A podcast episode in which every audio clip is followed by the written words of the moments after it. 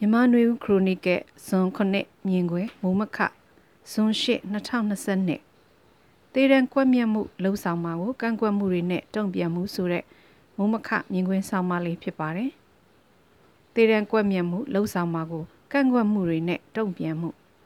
ပြီးခဲ့တဲ့ရက်ပိုင်းကစလို့ဦးကျော်မင်းယူခေါ်ချင်းမီနဲ့ဦးဖြိုးစရာတော့အပါဝင်လှိုင်းတန်ရကဆရာနာသိန်းစန့်ချင်းလှုပ်ရှားမှုနဲ့ဆက်နွယ်ပြီးကျောင်းဆရာမတအူးကိုတပ်ဖြတ်မှုနဲ့ စစ်ခုံရုံးကတေတံချမှတ်ထားသူနှစ်ဦးစုစုပေါင်း၄ဦးကိုတေတံစီရင်ချက်အယူခံရှုံးပြီးကွက်မြက်ဖို့စီရင်နေတဲ့ဆိုတဲ့သတင်းတွေထွက်ပေါ်လာပြီးနောက်မှာနိုင်ငံသားတန်ယုံနှစ်ယုံနဲ့ကုလသမဂ္ဂအဖွဲ့တို့ကဒီလိုလှုပ်ဆောင်မှုကိုကန့်ကွက်တယ်ဆိုတဲ့ကြေညာချက်ကုလသမဂ္ဂအဖွဲ့ကအလွန်စိုးရိမ်တယ်ဆိုတဲ့ကြေညာချက်တွေထုတ်ပြန်ခဲ့ကြပါတယ်။အမေရိကန်တန်ယုံနဲ့ပြင်သစ်နိုင်ငံဆိုင်ရာမြန်မာတန်ယုံနှစ်ယုံကပြင်းပြင်းထန်ထန်ရှုံချကြောင်းနဲ့ အမေရိကန်တန်ယုံကတော့တရားဥပဒေစိုးမိုးမှုကိုဂရုမစိုက်ကြောင်းပြသလိုက်တာလို့ထုတ်ပြန်ချက်ထဲဖော်ပြထားပါတယ်။ပြည်내တန်ယုံရဲ့ထုတ်ပြန်ချက်မှာတော့တရားမဝင်စစ်အစိုးရရဲ့ကျန်းဖတ်လုပ်ရက်တွေလို့ရည်ညွှန်းထားတဲ့စာသားကစစ်ကောင်စီကိုတဲ့တဲ့ရည်ညွှန်းလိုက်တဲ့စကားလုံးဖြစ်ပြီးစစ်ကောင်စီကိုစိန်ခေါ်တယ်လို့ဖြစ်ပြီးတန်တမန်ရေးအရာနောက်တရက်မှာတရားမဝင်စစ်အစိုးရဆိုတဲ့စကားလုံးသုံးတာကိုပြင်းပြင်းထန်ထန်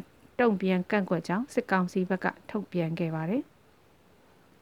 ပြည်내နိုင်ငံကတည်တံ့အပြစ်ပေးခြင်းကိုစန့်ကျင်တဲ့နိုင်ငံလေးဖြစ်ပြီးအခြေအနေအရရက်မှာတည်တံ့ပေးတာကိုစန့်ကျင်ကြောင်းလည်းဖော်ပြထားပါတယ်။အမေရိကန်နိုင်ငံကတော့တည်တံ့အပြစ်ပေးခြင်းကိုဥပဒေအရလက်ခံထားတဲ့နိုင်ငံဖြစ်ပြီးတည်တံ့ပေးမှုတွေလည်းရှိတဲ့နိုင်ငံဖြစ်ပါတယ်။မြန်မာနိုင်ငံအရေးမှာတော့နိုင်ငံရေးနဲ့ပတ်သက်ပြီးတရားရုံးကတည်တံ့အပြစ်ပေးကွက်မြက်မှုတွေကဆယ်စုနှစ်များစွာမှသာဖြစ်ပွားလိရှိတာဖြစ်ပြီးဆီယနာသိမ်းမှုမတိုင်ခင်နောက်ဆုံးနိုင်ငံရေးအရတည်တံ့အပြစ်ပေးကွက်မြက်မှုက 1986နဲ့1989ခုနှစ်တွေမှာဖြစ်ပျက်ခဲ့တာဖြစ်ပါတယ်။အဲဒီနောက်ပိုင်းမှာတော့တရားရုံးကတေတံစီရင်ချက်ချပြီးတေတံပေးကွက်မြက်ခံရတဲ့နိုင်ငံရေးနဲ့သက်ဆိုင်သူတဦးမှမရှိခဲ့ဘူးလို့မှတ်တမ်းတွေရဆိုပါတယ်။သို့ပေမဲ့လည်းတရားရုံးပြင်ပတရားစီရင်စနစ်ရဲ့ပြင်ပမှာ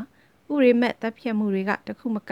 ဆယ်နဲ့ချီရှိနေခဲ့မှမြေကြီးလက်ခတ်မလွဲပါဘူး။ဒီလိုလူသိရှင်ကြားတေတံတရားစီရင်ပြီးကွက်မြက်မှုကကြရက်ရိုက်ခတ်မှုရှိတာကြောင့် လက်နက်ကိုင်းလှုပ်ရှားမှုတွေနဲ့ဆက်ဆက်နေတဲ့နိုင်ငံရေးသမားအချို့လက်နက်ကိုင်းတပ်ဖွဲ့ဝင်အချို့ကဖမ်းဆီးခံရတဲ့နေရာမှာတင်တော်၎င်းဖမ်းဆီးစစ်ဆေးတဲ့ဖြစ်စဉ်တွေမှာတော်၎င်းအသက်ဆုံးရှုံးခဲ့ရတာဖြစ်ပါတယ်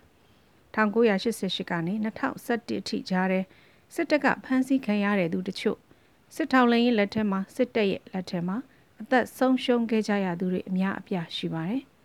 ကိုလလန်းမီတဲ့ဒေသမြို့နယ်တွေမှာတော့မမတ်ရရဖြစ်ပျက်ခဲ့တာဖြစ်လို့ တခြားလက်လန်းမမီတဲ့ဒေတာတွေမှာဘယ်များသောရေအတွက်ရှိခဲ့မယ်ဆိုတာမပြောနိုင်ပါဘူး။ဒီနောက်ခံအချက်တွေကိုပြန်သုံးသပ်ကြည့်ရင်ခုသေးတန်းစီရင်မှုလှုံ့ဆော်ခံရမယ် NLD ပါတီရဲ့လွှတ်တော်ကိုယ်စားလှယ်ဟောင်းမြို့ပြပျောက်ကြားအစုဖွဲ့တွေကိုစီမံခန့်ခွဲသူလက်နက်အထောက်ပံ့တွေစီစဉ်သူအဖြစ်နဲ့ပုံဖော်ခံရသူနှစ်ဦးနဲ့စန္ဒပြမှု CDM လှုပ်ရှားမှုတွေမှာဖြိုးခွဲမှုတွေကာလမှာဆီယာမာတအူးကိုတက်ဖြတ်တယ်ဆိုတဲ့ဆွဆွဲချက်နဲ့တေတံအပြစ်ပေးခံရသူနှစ်ဦးတို့ကို လက်တွေ့စီရင်ကွက်မြက်ခြင်းအပြင်နိုင်ငံရေးအရတက်ရောက်မှုတစ်ခုကိုစစ်ကောင်စီဘက်ကရည်ရွယ်ပုံရတယ်လို့မှန်းဆရပါတယ်။တစ်ဖက်မှာစစ်တပ်ထောက်ခံသူတွေရဲ့အားမလို့အားမရဖြစ်မှုသူတို့ကိုမကာကွယ်ပေးနိုင်ဘူးလုံလောက်တဲ့ရေးယူမှုမလုပ်ဘူးဆိုတဲ့အားမရဖြစ်မှုတွေကိုအပြေပေးဖို့ရည်ရွယ်တာလည်းဖြစ်နိုင်ပါတယ်။စစ်ကောင်စီရဲ့ဒီလိုရှေ့တိုးလှုပ်ဆောင်မှုကဘာအကျိုးဆက်တွေဖြစ်လာနိုင်တယ်လဲဆိုတာကတော့မှန်းဆကြည့်ရင် လက်တုံပြန်မှုတွေမြို့တွေနယ်တွေမှာတုံပြန်တိုက်ခတ်မှုတွေမြင့်တက်လာနိုင်တဲ့အလားအလာတွေရှိပါတယ်။ဒီနေ့ဖို့အခြားသတင်းအကြောင်းအရာတစ်ခုကတော့ဝအဖွဲနဲ့နိုင်ငံရေးစီးရေးရနှိစက်တယ်လို့နေမြေအားဖြင့်လဲဆက်ဆက်နေတဲ့ NDAA မိုင်းလာအဖွဲ့ကနေပြည်တော်မှာစစ်ကောင်စီရဲ့ဖိတ်ကြားမှုနဲ့ငြိမ်းချမ်းရေးကိစ္စလာရောက်စမှာမိုင်းလာကိုပိုင်အုပ်ချုပ်ခွင့်ရဒေသအဖြစ်သတ်မှတ်ပေးဖို့ထပ်မံတောင်းဆိုလိုက်တဲ့သတင်းအကြောင်းအရာဖြစ်ပါတယ်။ မိုင်းလာဖွဲ့အနေနဲ့2016ခုနှစ်21ပင်လုံငင်းချမ်းရေးပထမအကြိမ်ညီလာခံတွေတုန်းကတည်းက